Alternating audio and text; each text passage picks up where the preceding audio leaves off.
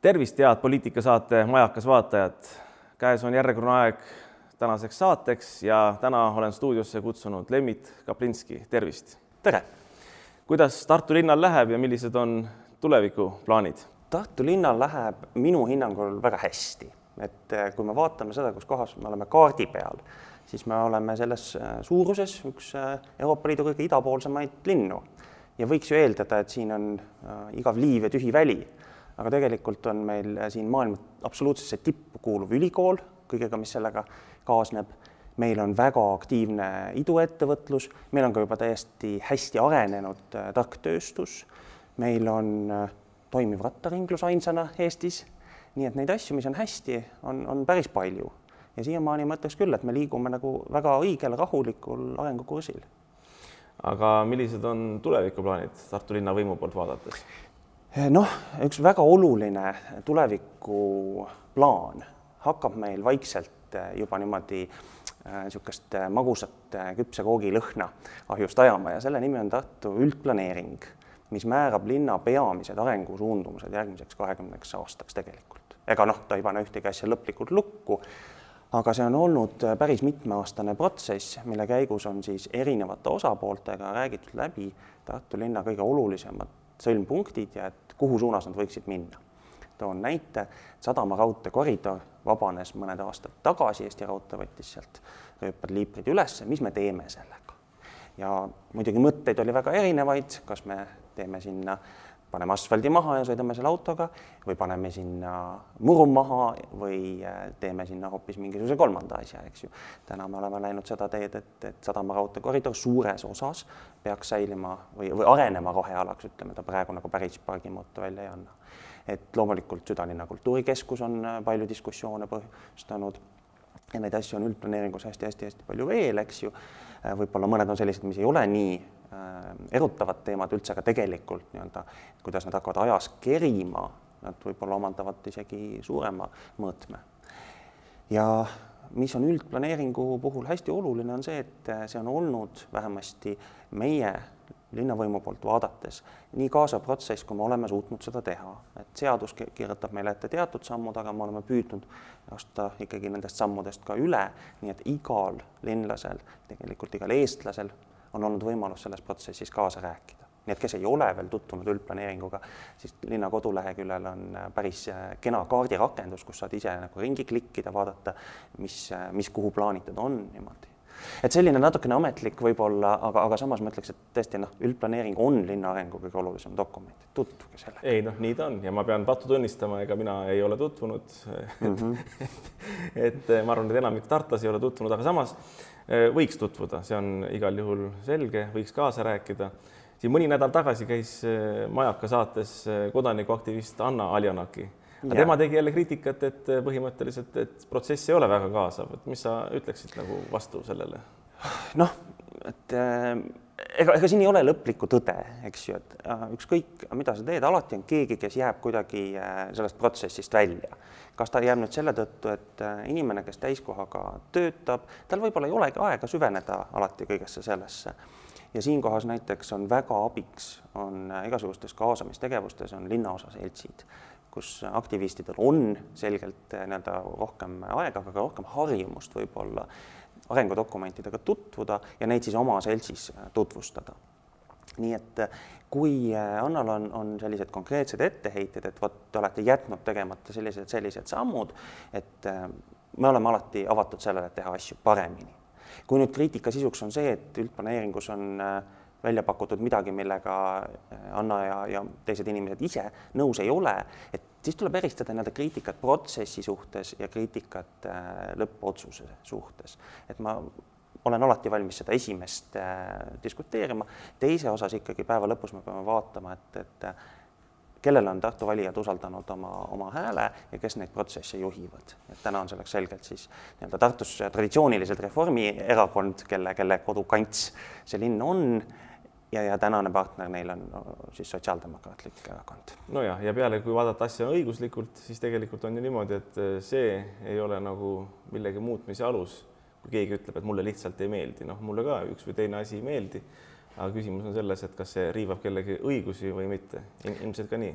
ja täpselt ja ütleme, et palju on olnud ka seda retoorikat, et ah, et, et puukallistajad ja pargikaitsjad, et nad lihtsalt tahavad kõige vastu olla. ma ise ei ole nagu selle retoorikaga päris nõus, et kahtlemata on väga palju erinevaid inimesi ja, ja on kahjuks ka selliseid inimesi, kelle jaoks äh, selline vastuaktivism ongi elustiil, aga selles äh, keskpargi diskussioonis on ikkagi väga-väga selgelt kõlab see, et inimesed on mures elukeskkonna pärast ja seda muret nüüd kindlasti ei taha mina, ei taha linnavalitsus kuidagi delegitimiseerida või, või võtta seda häält ära. et pigem meil on selle üldplaneeringu arutelude käigus järjest tõsisemalt tulnud lauale see, et, et me ei saa rääkida ainult äh, arhitektuurivõistlusest äh, selleks, et, et planeerida ühte hoonet, ühte parki.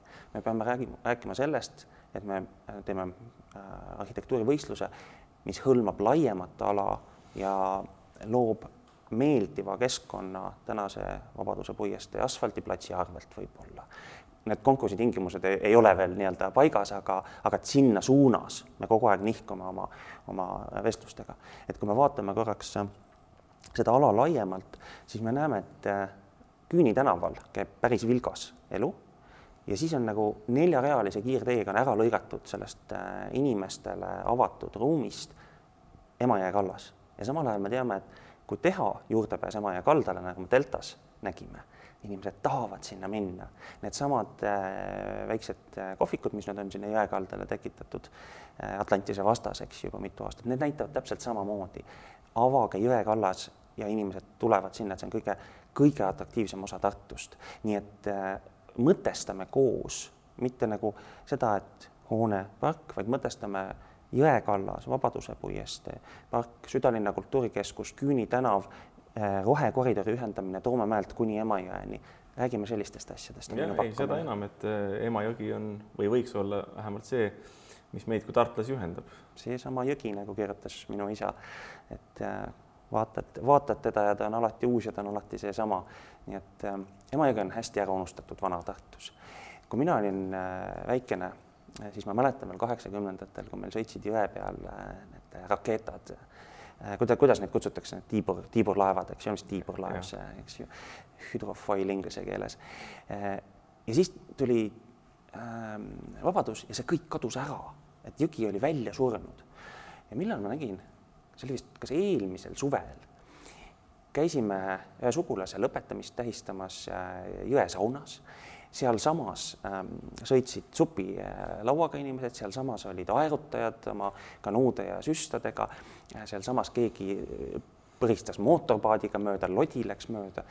jõgi oli elu täis ja vot tol hetkel ma sain aru, et kui vaeselt me jõe mõttes olime tegelikult aastakümneid elanud, et mul on nii hea meel, et see kõik tagasi tuleb ja muidugi hüpata selle minu lemmikteema juurde, milleks on üldplaneering ikkagi.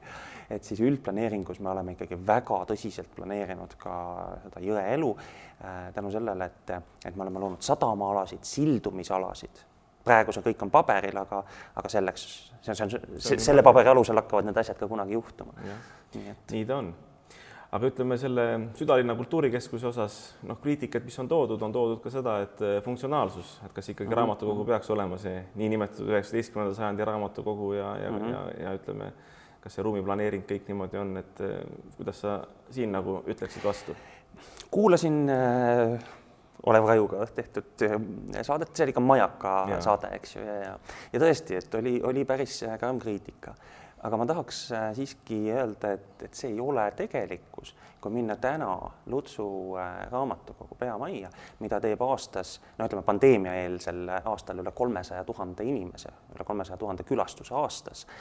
Nad ei lähe kõik raamatuid äh, lugema, et seal on ju nii palju neid teisi tegevusi ka, filmid, õmblustuba, seemneraamatukogu, isegi olen kasutanud seda teenust. nii et ei keegi, mitte keegi ei kavanda seda äh, üheksateistkümnenda sajandi raamatukogus, kuigi ma pean ütlema, et nii-öelda emotsionaalselt see on ju see kõige mõnusam keskkond elus üldse, kujutad ette, keerdtreppidega vana raamatuhõnguline koht, kus sa saad uusi teadmisi või vanu teadmisi. jah, ja, ja noh, niisugune Harry Potterilik, et aeg-ajalt mõni trepp ka liigub kuhugi, et aga kahjuks me, me ei suuda sigatüügast siia Tartu südalinna ehitada, kuigi võiks. nii et, et see, see, me räägime ikkagi raamatukogust äh, kui, kui sellisest tarbimisvabast avalikust ruumist, kus sa saad lihtsalt olla. ma küsisin oma, oma tütrelt, kes äh, on värskelt kaheksateist, et, et kas tema tunneb seda, et Tartu südalinnas oleks tal äh, vaja kohta, kus oma sõpradega aega veeta ja ta ütles, et jah, et et nad käivad äh, küll palju kaubanduskeskustes, nad käivad ka noh, olgem ausad, ikkagi nagu äh, kohvikutes tegemas asju, mida nad võib-olla ei peaks tegema, aga, aga ta ütles, et tegelikult äh, ei tahaks nagu kogu aeg raha kulutada, ei tahaks tegelikult olla selle kommertskeskkonna keskel, et, et kui ma talle selle südalinna kultuurikeskuse äh, selle eesmärgi ära kirjeldasin, ta ütles, et jah, et tema jaoks oleks see väga vajalik äh, koht. ja noored teatavasti on meie tulevik jah, absoluutselt ja eks neid on vaja ka selles mõttes Eh, kasvatada, et eh, noh, nagu sa ütlesid, see tarbimisühiskond, eh, raamatukogu muidugi on hea niisugune tarbimisvaba keskkond, kus saab ka natukene oma vaimu turgutada ja nii edasi. ma mäletan, et omal ajal ka, kui ma olin niisugune täiskasvanuks saanud või saamas, siis ikkagi kui olid mõned niisugused poliitilised kokkusaamised, saime Tallinnas kokku näiteks akadeemilises raamatukogus ja minu arust noh, see oli niisugune väga hea keskkond, palju parem keskkond kui mingisugune kaubamaja või, või kohvik ja noh, siiamaani on nagu, nagu meeles ja meenutan mm -hmm. selles mõttes niisuguse hea tundega. ja noh, mis just tõid mängu märksõna poliitika, eks ju, me unustame pahatihti ära, et kaubanduskeskused on küll kõigile avatud, aga kaubanduskeskused ei ole avalik ähm, ruum selles mõttes, et seal ei kehti kõik needsamad sõnavabaduse reeglid, mis meil kehtivad tänaval näiteks, et mine ja proovi Lõunakeskuses korraldada poliitilist meeleavaldust. ei saa, et see on näiline vabadus, mida Kaubanduskeskus meile pakub ja, ja ta küsib selle eest tegelikult äh, küllaltki kallist hinda meie, meie rahakotis ja, ja seeläbi tegelikult ju vaesustab nii, nii, nii meie keskkonda kui meie hinge mingis mõttes. jah, ja selles mõttes ei ole see nagu päris elu jah, simulaakum. mul ei ole midagi kaubanduse vastu, eks ju, ja, ja, ja loomulikult peab ostma ju riideid ja, ja, ja Äh, köögimasinaid ja mida iganes, eks ju. aga kui me räägime heast elukeskkonnast, siis me ei saa öelda, et kaubanduskeskus on nüüd niisugune hea elukeskkonna musternäidis. no nii on. aga räägime bürokraatiast, see erutab räägime. mind, sellepärast et ma olen ka Tartu Hoiu-laenuühistu juhatuse esimees, meil on tütarettevõtja on Eesti Ühistumajad, tegeleb nii Tartus kui mujal Eestis äh, noh, ehitamisega, aga seetõttu ka planeeringutega, siin on tulla, siia tulevad mängu noh, kas nüüd just üldplaneeringud Äh, aga ütleme, detailplaneeringud, projekteerimistingimuste taotlused, ehitusloa taotlused, kasutusloa taotlused, kõik sellised. ja see ei ole kriitika nagu Tartu linnavalitsuse mm -hmm. või Tartu linna kui omavalitsuse suhtes, et ma näen seda ühte mustrit kõikjal Eestis. no näiteks üks küsimus, küsimus näiteks sellest, et äh, lähed midagi taotlema, on mingisugune vana detailplaneering näiteks või ei ole üldse detailplaneeringut tehakse üldplaneeringu alusel taotled, ütleme, lähed lihtsama vastupanu teed, ei taha midagi väga suurt teha, ütleme, on siis, teed projekteerimistingimuste taotluse. aga ametnik, ma ei tea, kas ei julge või ei taha otsustada, ütleb niimoodi, et aga me ei saa lahendada seda projekteerimistingimuste taotlusega. tehke detailplaneering, noh, mis teinekord mhm, võtab mhm. aastaid aega. Aga mul on küsimus nagu see, et kui seda menetleb täpselt sama menetlusasutus, ütleme siis kohalik omavalitsus, võib-olla isegi täpselt seesama ametnik, mis seal siis vahet on, kas teha läbi projekteerimistingimuste menetlus või detailplaneeringu menetlus? Äh, lõpptulemus võib-olla on ikkagi üks, üks ja seesama, et jah yeah., siia võib ehitada või ei, siia ei või ehitada mm. -hmm. et äh, teadmata nagu täpseid näiteid on nüüd väga raske vastata, et me saamegi jääda sellisele üldisele tasemele, eks ju. et äh, projekteerimistingimuste alusel saab ehitada ja ikkagi siis, kui äh, soovitakse ehitada midagi, mis on äh, kooskõlas üldplaneeringuga, siis ei ole reeglina vaja täiendavalt detailplaneerida.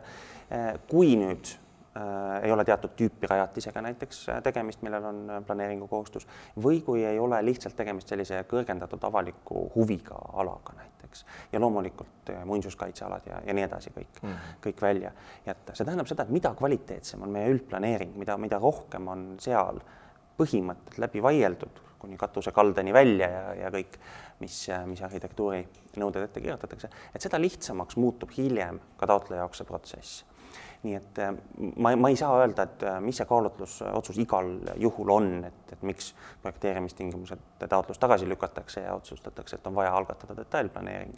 aga, aga ma ütlen, et äh, see mitte kellelgi ei ole soovi veeta ise liigselt aega planeerides midagi, mis tegelikult on juba varemalt enam-vähem kokku lepitud, ega raisata arendajate ja tartlaste aega asjatule bürokraatiale.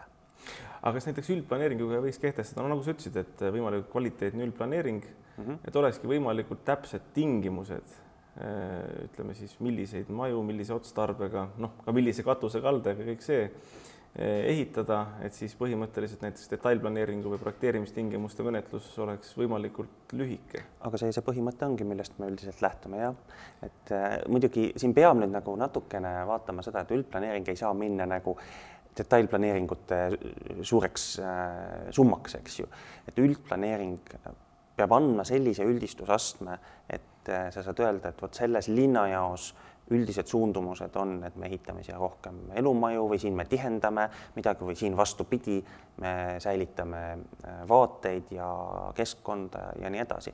aga tegelikult, kui vaadata ikka seda Tartu üldplaneeringut, siis seal on väga palju sellist detailsust, mis võimaldab hiljem lihtsalt projekteerimistingimustega ehitusse no. minna. nojah, näiteks ütleme konkreetselt vist on mingi Lehe tänav mm. -hmm. üle tee antakse suurem, ühesõnaga täisehitusprotsent, üle tee teist pool, kus on meie kinnistud, antakse väiksem. Yeah.. et ma ei lüni, ei, ei luni siin midagi, et, et andke suurem või see, aga lihtsalt nagu näide, et noh, üldplaneeringu üldistusaste, et kas ei võiks olla siis nagu täpsem, et minu arust seal oligi nagu ma ei tea, selles piirkonnas, et kolmkümmend kuni seitsekümmend, et see on väga suur kaalutlusõigus yeah. antud ametnikule. et eks siin hakkavad ju mängima ka igasugused asjad, kui hästi, kui hea on läbisaamine naabritega? Kas naabrid annavad kooskõlastuse või äh, nad vastupidi esitavad äh, mingi vastuväite milline on valgusrežiim, kas üks hoone hakkab kellegi teise aknasse varju heitma, nii edasi, et vot siin lähevad need kaalutluskohad nagu nii detailseks, et ma arvan, et me ei, me ei saa siin ära lahe, lahendada, ma ei saa sulle ka suuremat ehitusõigust sinna lubada. See poleks kuidagi nii-öelda minu kui, kui, kui äh, Tartu linna esinduskogu esi, esimehe pädevusse ei kuulu selliste asjade andmine, et, et see on ikka täitevvõimu ülesanne. nii et, et ma ütlen, et lähme tagasi algusse, tuleks sellele üldplaneeringule jälle otsa vaadata ja vaadata, mis, mis seal siis on ja, ja selle alusel edasi liikuda. aga, aga jah, mis seal Lehe tänaval nüüd täpselt toimub, et ma kahjuks nii, nii hästi mul see kõik peas ka ei ole. jah, äh, aga Sotsiaaldemokraatlik Erakond, milliste mõtetega, millise programmiga äh, läheb sügisestele valimistele vastu? ma usun, et me oleme hakanud äh, sotsidena nüüd taasavastama oma tuumikväärtusi et ma aitasin koostada meie üleriigilist valimisprogrammi ja see oli väga huvitav äh, protsess näha, et mis on need mõtted, mis inimesed on siis toimkondades välja öelnud, kirja pannud ja mida nad tahaksid näha, et sotsiaaldemokraadid teeksid. ja ma ütleks, et minu jaoks mõned kõige olulisemad märksõnad, millega me välja läheme, on esiteks noh, mitte esiteks, et ütleme siis see nüüd ei ole prioriteetide järjekorras, aga äh, olulised märksõnad on regionaalareng, kogukondlikkus äh,, sotsiaalne vastutus, sotsiaalsed tagatised, avatus. ja siis äh, tulevad juba äh, järgmised teemad, et ähm, noh, mis, mis haakuvad eelmistega, näiteks kogukonna kooli teema, elukestva õppe teema, nii edasi minule endale võib-olla kõige huvitavam nendest on äh, regionaalarengu mõiste. et Eesti on tegelikult äh, väga uudses äh, situatsioonis, et kaks tuhat kaheksateist me läksime vastu riigina uutele väljakutsetele täiesti uue haldusjaotusega. ja samal ajal olid kadunud maakonnavalitsused, nii et meil olid uued ähm, kohaliku omavalitsuse üksused, Äh, liitunud vallad, kellele anti täiesti uued ülesanded, mis seni olid olnud maakonna tasandil. nii et, äh, et uued, uued asutused tegid uusi asju ja olgem ausad, eks see tekitas parajalt äh, segadust ka, et kui, kui ikkagi maakondlik ühistranspordi planeerimine käib läbi mingisuguse mittetulundusühingu, et siis see paneb natukene kukalt kratsima küll. ja selle taustal on hakanud tõusma päris mitu initsiatiivi, mis püüavad leida nüüd omavalitsusest, isegi maakonnast suuremat koordineerimistasandit. ehk me oleme hakanud Eestis väga tõsiselt jälle rääkima regionaaltasandist ja sellest, et kas meil on seda vaja. et kui vaadata Euroopa Liidu äh, tasemel jaotust, siis Eestis äh, on äh, kui ma ei eksi, viis suuremat regiooni, aga noh, niimoodi tunnetuslikult me, me mõistame ise, et, et Tartul on tegelikult väga palju ühist Võru ja Valga ja Setumaaga, samal ajal kui võtame Kirde-Eesti, et sealsetel omavalitsustel on mingi hoopis teine asi, mis neid nagu ühendab, eks ju. et võib-olla siin me räägime sellisest äh, haridusest loomulikult läbi ülikooli, aga me räägime ka mingisugusest ühtsest kultuuripärandist, olgugi et Setumaal räägitakse setu keelt ja Võrumaal võru keelt, siis meil on seda keelt mõnes mõttes lihtsam tartlastega, tartlastena nendega rääkida, kui mõista täpselt, et mis on Pärnumaa mured ja rõõmud. me oleme äh, siin äh, Lõuna-Eestis tegelikult väga unikaalses positsioonis sellepärast, et meil on maismaapiir Lätiga ja liikumine Läti ja Eesti vahel on, on kujundanud selle regiooni nägu aegade algusest saadik tegelikult me oleme Liivimaal niimoodi. ja, ja mida nüüd selle, nende regionaalsete eripäradega teha, vot see on suur küsimus. Tartus on selline hästi tore projekt käimas, mis kulmineerub kahe tuhande kahekümne neljandal aastal nagu Euroopa kultuuripealinn Tartu kaks tuhat kakskümmend neli, ellujäämise kunstid. ja vot see on väga huvitav, et Tartu veab eest projekti, kus on taga üheksateist omavalitsust liitunud koostöölepinguga, maksavad päris raha ühisesse projekti, sest nad saavad aru, et neil on kõigil sellest midagi võita, nagu päriselt võita niimoodi, et nad on nõus sinna oma raha panema, eks ju. Inglise keeles öeldakse, et put your money where your mouth is, et nagu kui sa, kui sa millelegi nii-öelda tõsiselt kaasa tahad rääkida, et siis ikka, ikka planeeri eelarvesse ka see rida ära nii et kultuurivaldkonnas tegelikult Lõuna-Eestis me töötamegi välja sellist mudelit, mis, mis võimaldaks äh, maakonnaüleselt juba omavalitsustel koostööd teha. Äh, täpselt sama äh, Tartus, Tartu on tugev partner Lõuna-Eesti turismiklastris, ei ole Tartumaa turismiklaster, on Lõuna-Eesti turismiklaster, nii edasi. nii et ma arvan, et kohalikud omavalitsused peavad hakkama rohkem tegema omavalitsuste ja maakonna ülest koostööd ja tõesti panustama sellesse erinevates võrgustikes. milline mudel lõpuks kehtima jääb, täna ei saa öelda, et tulebki katsetada. ja riigi poolt ma arvan, et tuleks kindlasti toetada, julgustada selliseid äh, regionaalseid äh, arenguid. et see on hästi-hästi oluline. ei, ma olen täiesti nõus sellega. aga sa ütlesid õigesti, et äh, Tartu on osa Liivimaast aga samas Liivimaa pealinn ajalooliselt on Riia, vaata meie ülesanne siin Eesti riigis oleks nagu see, et eh, seda kaalukaussi, no ma ei tea, kas täielikult on võimalik, Riia on niivõrd suur, aga samas suures osas peaks ju olema võimalik kallutada Tartu poole, et eestimaise Liivimaa osa eh, ütleme siis pealinn oleks kindlalt Tartu, mitte ei vaadataks näiteks seal Valgas või, või Võrumaal või kuskil Riia poole. mida peaks tegema selle jaoks? noh, kui ka Võrus või Valgas vaadatakse Riia poole, ega selles pole midagi halba. Äh, aga üks võti on selle jaoks. Tartu on lätlaste, aga ka näiteks pihkulastega Peterburi inimeste seas väga armastatud turismisihtkoht. meil on äh, nii palju siin teha, meil on, meil on väga eriilmelist arhitektuuri, mis loob selle mõnusa linnatunde, meil on nagu hästi defineeritud linna süda, Raekoja plats oma kohvikutega. aga tulles siia perega saad sa käia mitmes äh, spaas või veekeskuses, sul on ahhaa-keskus, tahad äh, sügavamalt mõista Eesti kultuuri või saada sellist head elamust, siis on Eesti Rahva Muuseum, isegi olen üles ehitanud ühe muuseumi, eks ju, millel on, on ka väga hea kasutajate, külastajate tagasi, äh, tagasiside. nii et mida iganes me teeme selleks, et Tartusse pääseks paremini ja Tartust pääseks paremini, siis Tartu sellest võidab. me oleme rahvusvaheline avatud ülikoolilinn, me oleme turismi sihtkoht, et meie jaoks üks arenguvõti on ühendused.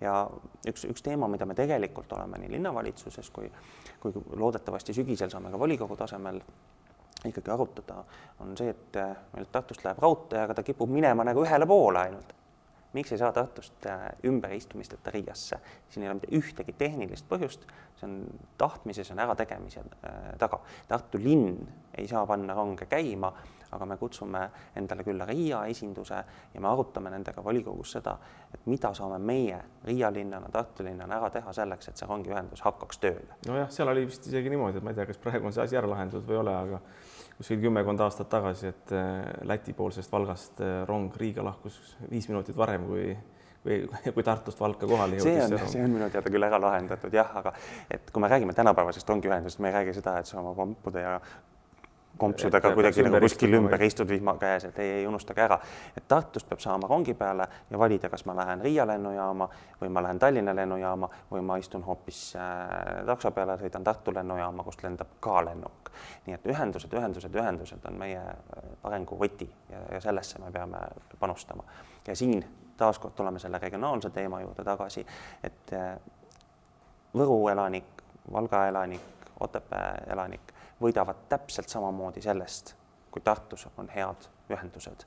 et kui vaadata tõmbekeskuste toimepiirkondade kaarti, et siis joonistub väga selgelt äh, välja see, et Tartu on see, kuhu kõik jooned kokku jooksevad Lõuna-Eesti jaoks. no nii on aga nüüd ütleme, mida mainisid, sotsiaalne või ühiskondlik turvalisus, mida selles valdkonnas annab ära teha? ja noh, sotsiaaldemokraatide jaoks üks niisugune äh, läbiv teema on ikkagi olnud see, et meil on omastehoolduse küsimus lahendamata, lihtsalt lahendamata. ja see tuleb ära lahendada, et siin ei ole küsimust, et, et kas see on vajalik või mitte. inimesed, kes on selle teemaga kokku puutunud äh,, saavad aru ja need, kes ei ole kokku puutunud, need puutuvad ühel hetkel. see on asi, mis puudutab meid kõiki.